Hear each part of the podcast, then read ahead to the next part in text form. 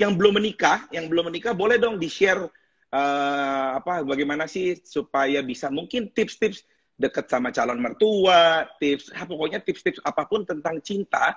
Karena hari ini kita akan bicara dengan coach relationship. Wah, relationship aja ada coachnya. Kenapa? Karena banyak orang berhasil di dalam dunia pekerjaan, banyak orang berhasil di dunia pendidikan, tapi juga banyak orang yang gagal di dunia percintaan. Nah, bagaimana sih supaya kita semua ini dapat berhasil juga di dalam dunia percintaan? Gimana? Oke? Okay? Oke. Oke, ini kan. Halo, bro. Halo, halo, halo, halo semuanya. yeah. Thank you so much, bro, for Thank for you, your time. udah diundang. Ya. Yeah. Oke, okay, mau tanya dulu dong. Kok namanya nih, nama lu keren banget nih. Kay Safari ini real name or uh, popular name-nya lo nih sebenarnya? Uh, nama panggung lah istilahnya, nama beken ya. Nama beken, nama beken. Oke, okay. pertama kali tim gua undang bilang, Pak, kita mesti live nih Pak sama kelas cinta kom. Wah, saya bilang, apa tuh kelas cinta kom? Jadi itu saya lihat di Instagramnya kalian ya, Instagram uh, company yeah. lu dulu pertama. Gue bilang gila ya banyak banget yang komen. Gue bilang ini ini apa sih kayak bisa diceritain sedikit nggak sih kelas cinta kom ini apa sih kayak? Jadi kelas cinta itu adalah kita sebuah perusahaan konsultan percintaan profesional ya.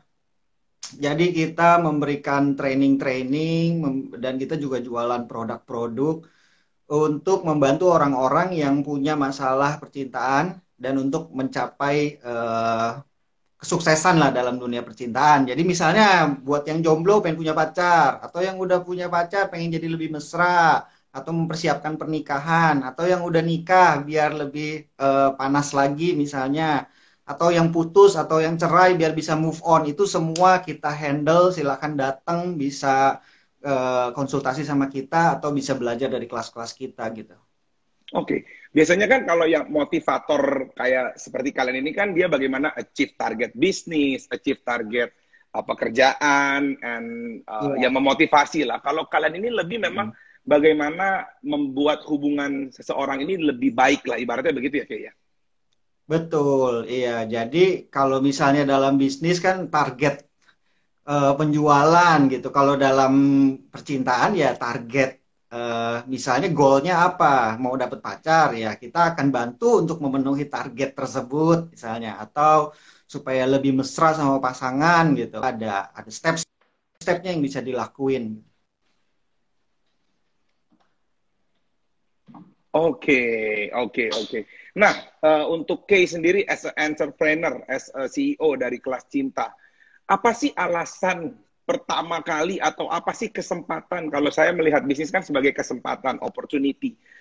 Kalian itu kenapa bikin kelas cinta kom? Apa nggak ada bisnis yang lain ataukah ini memang it's our dream gitu lah, it's our vision gitu, Kay? Uh, karena kalau kalau saya lihat ya, ini saya sama, uh, jadi kita foundernya ada tiga orang ya, ada Jet, ada K, ada Lex, foundernya ada tiga orang. Kalau kita lihat, uh, memang belum ada yang memenuhi kebutuhan ini nih marketnya ada tapi belum ada nih yang memberikan jawaban. Jadi kalau misalnya tadi sama seperti lu bilang juga kan kalau mau bisnis ada sekolahnya kalau mau belajar main musik ada sekolahnya tapi kalau mau sukses dalam percintaan di mana kok nggak ada sekolahnya nih gitu nih? Iya. Gitu. Jadi kita uh, memenuhi kebutuhan yang nggak diisi sama orang-orang lain gitu. Dan kebetulan memang sampai saat ini baru company kita doang aja nih yang profesional nih melakukan seperti ini gitu ya. Oke, okay, oke. Okay. Tapi ini hmm. bukan seperti kayak zamannya mungkin orang tua kita ini kayak biro jodoh itu bukan ya kayak ya? Bukan, bukan, bukan. Kita enggak. Bukan, bukan ini memang memang relationship coach lah ibaratnya ya. Iya, kita ajarin orang gimana caranya. Uh, Sebenarnya ini lebih mirip ke self development sih gitu. Karena kalau misalnya kitanya udah oke, okay, udah bagus, pola pikirnya udah bagus, perilakunya udah bagus gitu, berhubungan sama orang lain, berhubungan sama pasangan juga akan jadi lebih mudah, akan jadi lebih baik. Yes, betul, betul iya. banget. Nah, dari, eh, sorry, kelas cinta kom ini udah mulai dari tahun berapa, bro? Uh, kalau secara company kita dari 2011 gitu. Tapi Wah. awal-awalnya sebelumnya dulu udah dari 2006 kita udah kayak uh, bikin lah training-training udah ada. Hmm, tapi secara Iya. company running Oke. itu di 2011. Bro, dari tahun Hmm. 2011, sorry nih gue punya pertanyaan yang harus lu jawab. Dari tahun 2011, pernah nggak sih bro, lu mendapat sebuah ejekan, lu alay banget sih kerjaan lu itu kan kayak, kok lu jualin kayak gitu kan? Maksudnya, dan bagaimana dari 2011, berarti almost hampir 10 years lu mau beja- men- merunningkan bisnis ini, tapi kayaknya lu tetap Iya. kuat dan Instagram lu juga gila, orang bisa komen 100, 100 orang yang komen, dan gimana bro, lu bisa menjawab itu? Eh, awalnya pasti banyak yang begitu, banyak banget. Banyak banget yang yang ngeledekin lah gitu, cinta-cintaan, ABG ABG ngapain gitu. Apalagi cinta mah nggak perlu dipelajari katanya nor apa alami aja katanya ya. Kalau cinta alami kenapa banyak yang bercerai, kenapa banyak yang putus, kenapa pada stres? Iya, iya, iya, iya. iya. Kita semua diajarin di sekolah matematika, IPS dan segala macam, tapi kita nggak diajarin bagaimana cara membina hubungan. Itu bukan sesuatu yang alami, itu sesuatu yang harus kita pelajari kan. Sama kayak berbisnis, sama kayak yang lain. Iya. Itu sebuah skill. kan. Gitu. Jadi eh kalau saya sih, kalau gue sih ada yang nyinyir-nyinyir, ada yang ngeledek-ledek sih, biarinin aja. Kita kasih tunjuk sama hasil aja lah ya. Gitu. Kasih tunjuk Iya, sama iya. hasil. Bu- Iya, Buktinya iya, iya. udah sampai udah, udah mau buktinya udah mau berapa belas tahun kita tetap berdiri itu mereka semua diem semua akhirnya Ah, Bro, tadi sebelum sebelum nanti gua akan bacain komen-komen yang masuk nih karena buat teman-teman semua for your information teman-teman boleh share di kolom komen apa sih pertanyaan-pertanyaan untuk Koko K ini karena Koko K ini ternyata buat followers gua lu famous banget bro. Karena mereka udah banyak ngomong. Dan gue udah punya beberapa list pertanyaan karena temanya soal si romantic uh, communication oke itu jadi oke oke.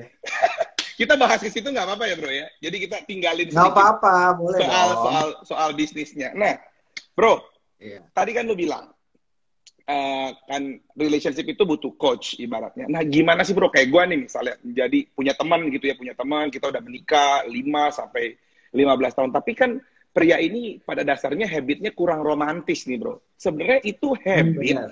kebiasaan atau itu bisa sesuatu yang kita ubah sih bro? Eh, memang wajar cowok itu kurang romantis itu wajar karena biasanya cowok itu kan memang dari kecil kita eh, dididiknya yang yang ini ya kayak disuruhnya olahraga gitu. Hmm. oh mainnya main game ya kan? Gitu. Tapi sebenarnya itu adalah sebuah skill yang bisa dipelajarin gitu. Kebanyakan cowok itu nggak mau romantis karena mereka merasa ah itu bukan diri gue. Padahal itu sebenarnya bukan bukan sifat gitu. Itu adalah sebuah skill sebenarnya. Dan ini sangat berguna sekali. Banyak cowok nggak ngerti bahwa kalau kita bisa romantis sama pasangan kita ya itu untung benefitnya gede banget buat kita gitu Hmm. karena si istri nanti bakalan happy kalau istri happy dia jadi lebih sayang sama kita itu pertama dan yang kedua ya kalau kita bikin salah cewek akan lebih mudah memaafkan kalau kitanya romantis Ah, siap, siap. Nah, ini Oh, nih, iya, ini iya, iya, iya. nih. Iya, Banyak iya, cowok nggak ngerti gitu. Banyak cowok nggak ngerti. Dia kayak, ah ngapain romantis-romantis? Ah lebay banget, ah nggak perlu. Padahal itu benefitnya romantis itu buat kita juga. Oke. Gitu. Dan dan cowok ini kan biasanya takut untuk romantis bro. Dia pikir apa sih cowok romantis romantis gitu. Nah, lu bisa nggak sih bro kasih tips sedikit lah nih buat cowok-cowok kaku yang lagi ada lagi nonton atau nanti akan nonton tayangan ulangnya. Gimana sih menjadi romantis gitu loh? Versi dasar dulu lah ibaratnya.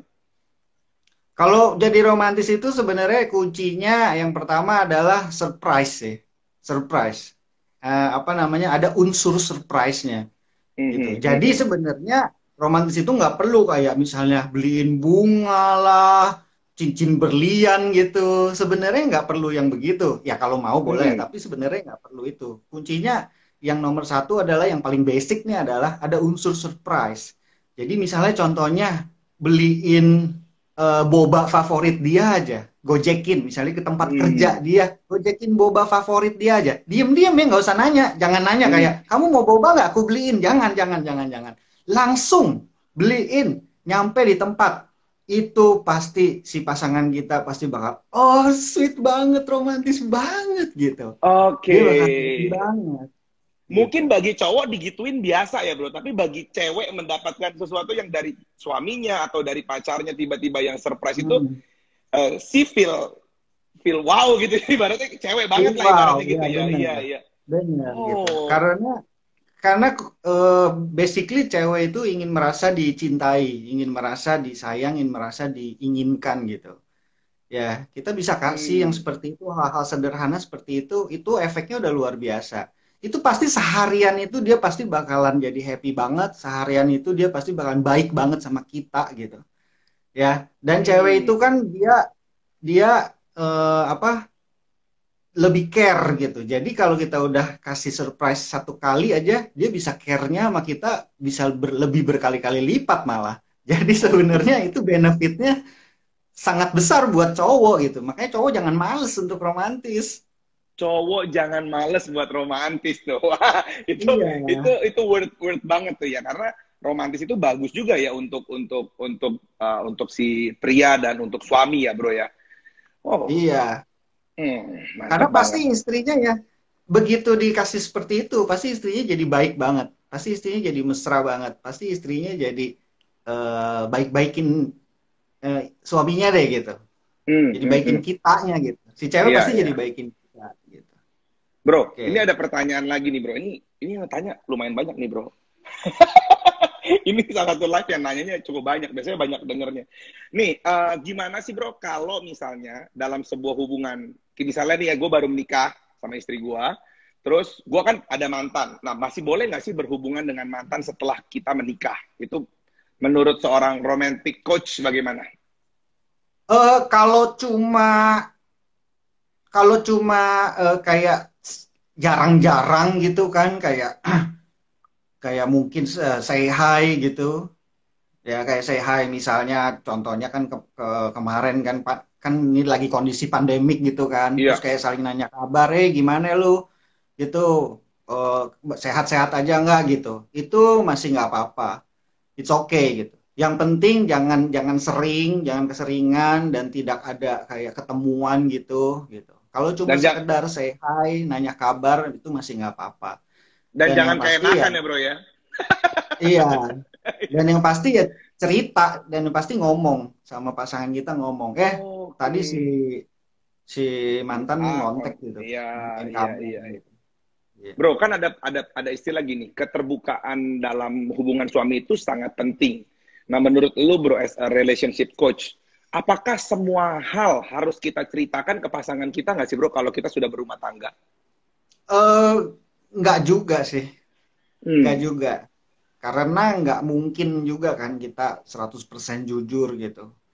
Contohnya misalnya uh, ada hal-hal yang nggak enak, kita takut menyinggung pasangan, ya nggak perlu di ngomongin misalnya. Ya, tapi ini bukan soal bohong uh, ya. Apa namanya? Menyimpan rahasia, bukan soal menyimpan rahasia, tapi menjaga uh, hubungannya gitu. Ya bukan menyimpan rahasia yang buruk lah istilahnya. Iya iya iya iya.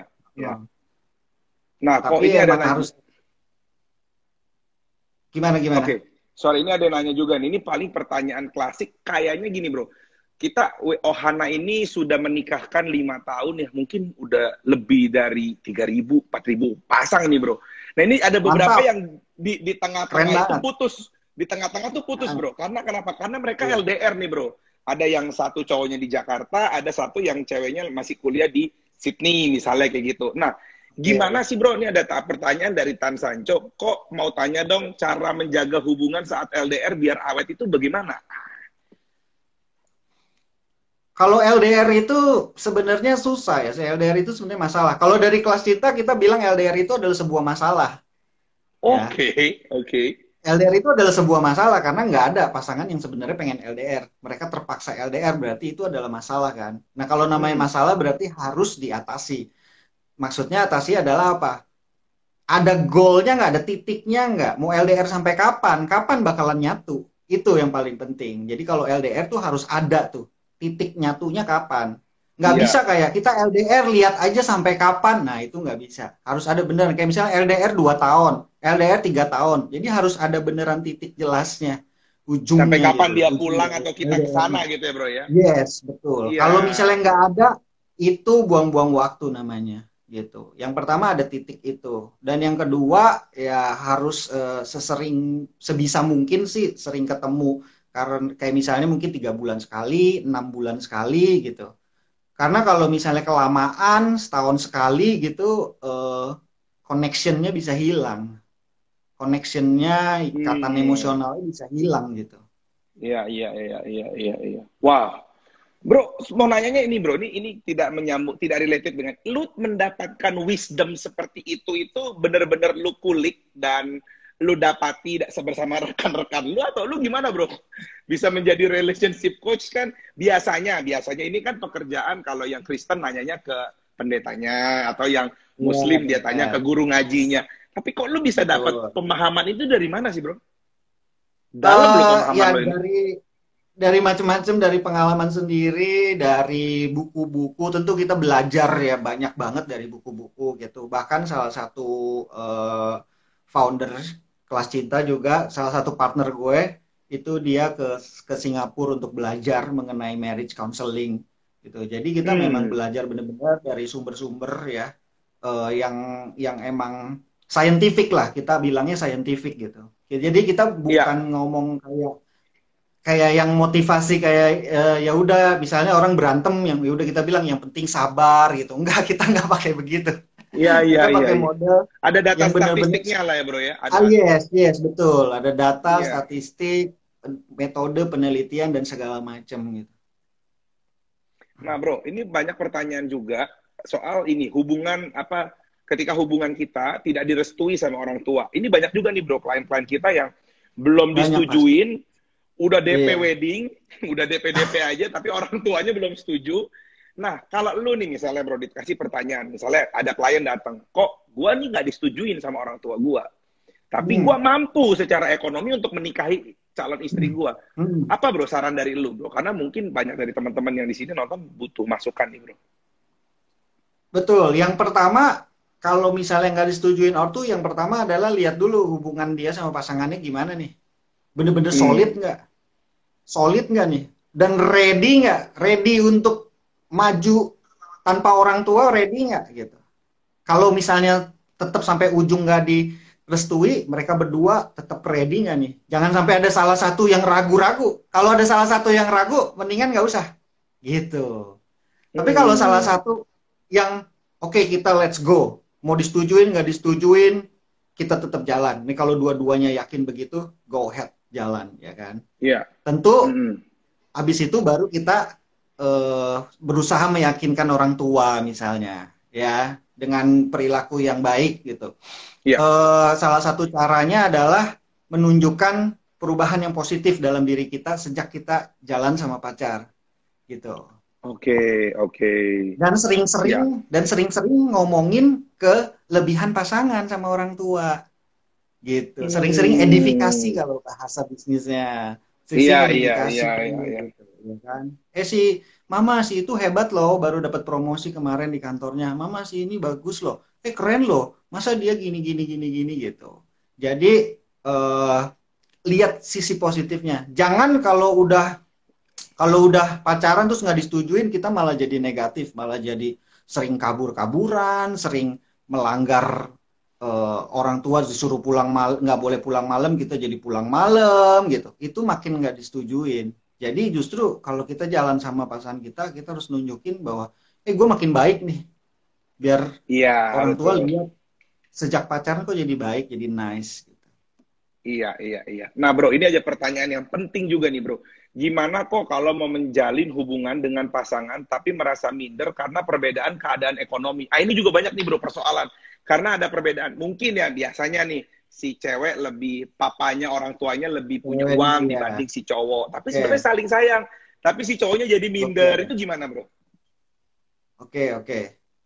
Eh, sebenarnya sih, sebenarnya kalau lagi-lagi ini harus keduanya ini, karena faktor faktor itu sebenarnya faktor eksternal sebenarnya, ya apalagi hmm. kalau misalnya orang tuanya gitu itu faktor eksternal sebenarnya tapi dua-duanya ini mereka solid nggak bener-bener siap menerima resikonya nggak ceweknya terima juga nggak ya, kalau misalnya dua-duanya solid sebenarnya nggak masalah gitu tapi yang jadi masalah hmm. kalau misalnya emang si ceweknya juga mengeluh dari awal kamu oh kurang nih misalnya. Nah, kalau nggak bisa nggak bisa nggak bisa kayak papa gua kasih gitu misalnya gitu kali ya. Nah, gitu.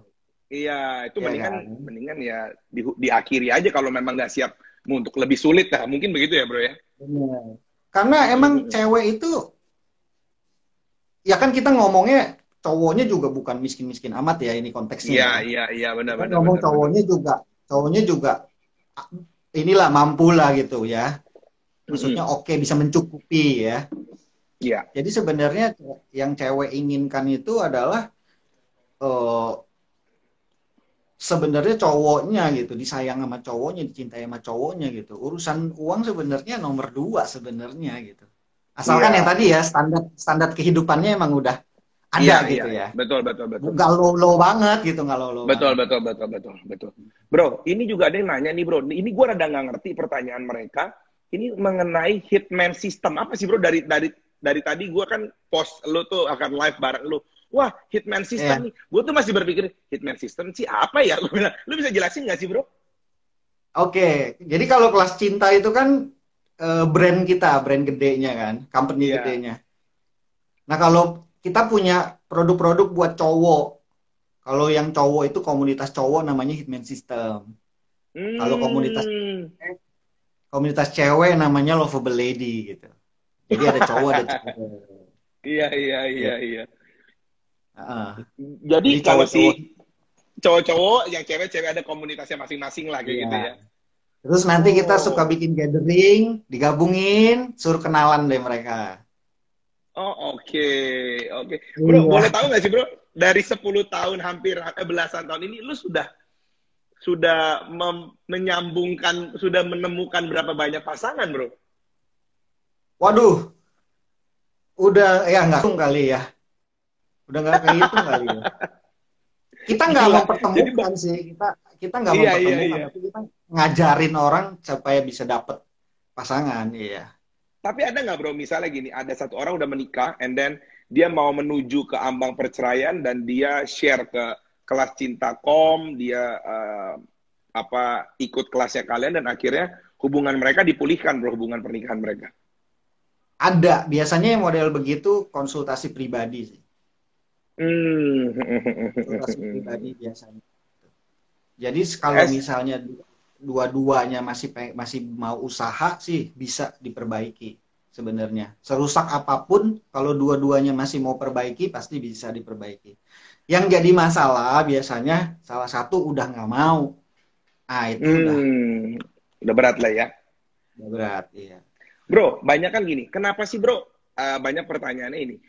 Kenapa sih banyak orang tuh putus? Apa sih bro masalah terbesar dari bukan masalah ya, alasan orang putus tuh apa sih bro paling banyak ya? Putus maksudnya gini, bercerai ya. Ini kita ngomongin perceraian. Kenapa sih banyak orang bercerai? Lu tau gak sih bro reasonnya orang-orang bercerai itu bro?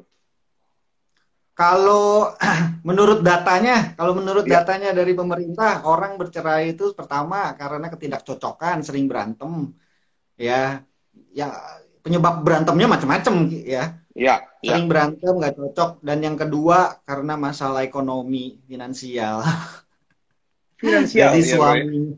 suaminya nggak nggak apa nggak menghidupi, nggak menafkahi, nggak suaminya inilah Moseco kali.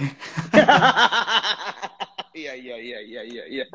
Wow, gila ini sih lucu banget nih live Bro, ini balik lagi ke ke ke karir entrepreneur lu. Nah, what's next, Bro? Ini kan lagi ada Covid ini, lagi ada lu mungkin nggak bisa bikin seminar-seminar seperti biasa. Apa sih plan iya, ke depan dari oh, dari kelas cinta? Kelas cinta nih mau bikin apa dan kayaknya ke depan mau bikin apa, Bro? Iya, uh, kita baru aja rilis buku. Kita baru aja rilis buku judulnya Dari Hati ke Hati. Itu isinya bagaimana ada 69 topik obrolan dengan pasangan supaya makin akrab gitu. Dan di uh, di belakang juga ya di gudang juga kita lagi persiapin beberapa produk launching juga. Ada buku juga yang akan di kita launching juga mungkin uh, beberapa bulan lagi gitu. Dan juga mungkin nanti mau ada uh, seminar-seminar Zoom juga. Wah, kayaknya penting tuh bro seminar-seminar Zoom. Karena hari iya. ini ya bro ya, begitu banyak kayak kita kan wedding ini ter, tertunda iya. semua nih bro, tertunda semua. Gimana gimana? Coba gue kan, juga iya. mau tanya tuh. Gimana nah, nih bisnis wedding? Kalau bisnis wedding kita ini semua lagi tertunda, Bro, karena kan pemerintah belum belum belum pastikan belum kapan boleh boleh iya boleh melangsungkan event pernikahan kan ibaratnya. Nah, uh-uh. kayaknya lu juga mesti bikin uh, seminar-seminar ke mereka yang lagi postpone wedding, Bro. Karena kan semua udah terplan nih. Ya kan? Oh, kita wedding misalnya bulan Mei mundur, ada yang mundur Mei ke Juni, Juninya belum di minta mundur lagi. Itu kan jadi jadi banyak yang berantem, Bro bukan iya. sama kita ya berantem si cowok sama si ceweknya ini mungkin ya si ceweknya ayo dong kita cepetan merit si cowoknya mungkin loh gue nih gimana ya kerjaan gue juga lagi nggak terlalu bagus atau gue lagi omset toko gue turun atau gue lagi ada pemotongan pemotongan salary dari kantor. Itu banyak bro. Dan kita jadinya si marketing marketing ini tim gue mereka itu jadi kayak ya menengahi antara si cowok dan si cewek. Jadi gue pengen ya bro ya. Gue pengen anak-anak gue yang marketing kita marketing ada sekitar 30 orang ikut kelas lo supaya kalau ada masalah sama si bisa handle ya? ini bisa handle.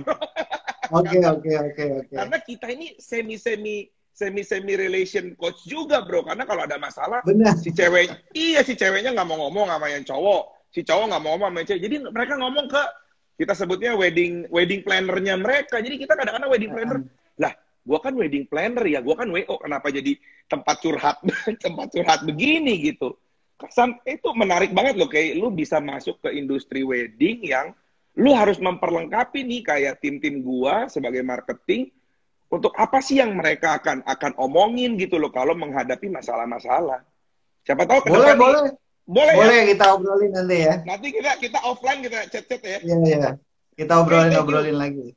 Thank you so much kayak udah 30 menit ngobrol-ngobrol nanti kita lanjut via via WA ya kayak ya. Thank you, thank you banget udah diundang. Oh ya, ini apa bro? Sebelum huh? kelar, uh, kan ini juga banyak juga ada follower gue juga yang nonton yeah. ya kan. Coba lu cerita juga aja Ohana apa gitu. Kok gue lihat banyak okay. banget nih Ohana akunnya. Biar follower-follower okay. gue juga tahu. Oke, okay, buat teman-teman semua, teman-temannya K dan teman-temannya kelas cinta, Ohana Enterprise ini adalah uh, satu wedding enterprise yang ada di Jakarta, di Bali, di Balikpapan, ada di Bandung dan ada kan uh, dan ada di Lampung. Jadi kita ini wedding organizer yang mengurus pernikahan kalian mulai dari gedung, uh, wedding organizer, dekorasi, catering, uh, foto, foto video, ya? foto video hmm. dekor, uh, invitation souvenir, kita juga urus foto boothnya, pokoknya A to Z lah sampai ke honeymoon honeymoonnya kita kita urusin. Oh, nah, jadi mantap. buat teman-teman semua yang butuh uh, paket-paket pernikahan ya kan, paket-paket pernikahan baik itu holy matrimony. Sekarang ini lagi musimnya ada juga nih bro, udahlah gue uh, pemberkatan gereja aja, aja. gereja aja atau gue di vihara aja atau gue akad nikah di rumah aja kita juga siapin ada. Tapi buat teman-teman yang mau nikahnya di hotel atau di gedung-gedung, nah Ohana ini sudah bekerja sama dengan gedung-gedung yang ada di Jakarta, Jabodetabek dan sekitarnya, gitu bos. Budgetnya, budgetnya okay. range ada ya? Range-nya ada, kita start from untuk uh, wedding di gedung sekarang itu start dari 40 juta bro. Okay. 40 juta itu sudah semuanya, gitu. Sampai dengan ada di 200 sampai 250 juta. Mantap. Nah, ya, semoga jadi buat terus. Amin, amin siapa tahu ke depan kita bisa bikin kolaborasi nih Ohana karena Ohana kan main di pernikahan dan lu banyak bimbing-bimbing orang di pernikahan. Siapa tahu ke depan kita bisa collab lah. Oke, pasti pasti. Buat teman-teman yang belum follow saya, follow di Keisafori dan juga follow di kelas cinta Com ya. Kelas cinta Com follow di kelas cinta nanti bisa belajar-belajar tentang percintaan. Oke, thank you banget bro, udah thank diundang. You, bro. thank you, thank you, thank you. Nanti kita okay. uh, japri ya bro ya. Ya, sip. Kita japri-japri. Ya, bye bro. Bye-bye. Thank you. Oke, teman-teman semua.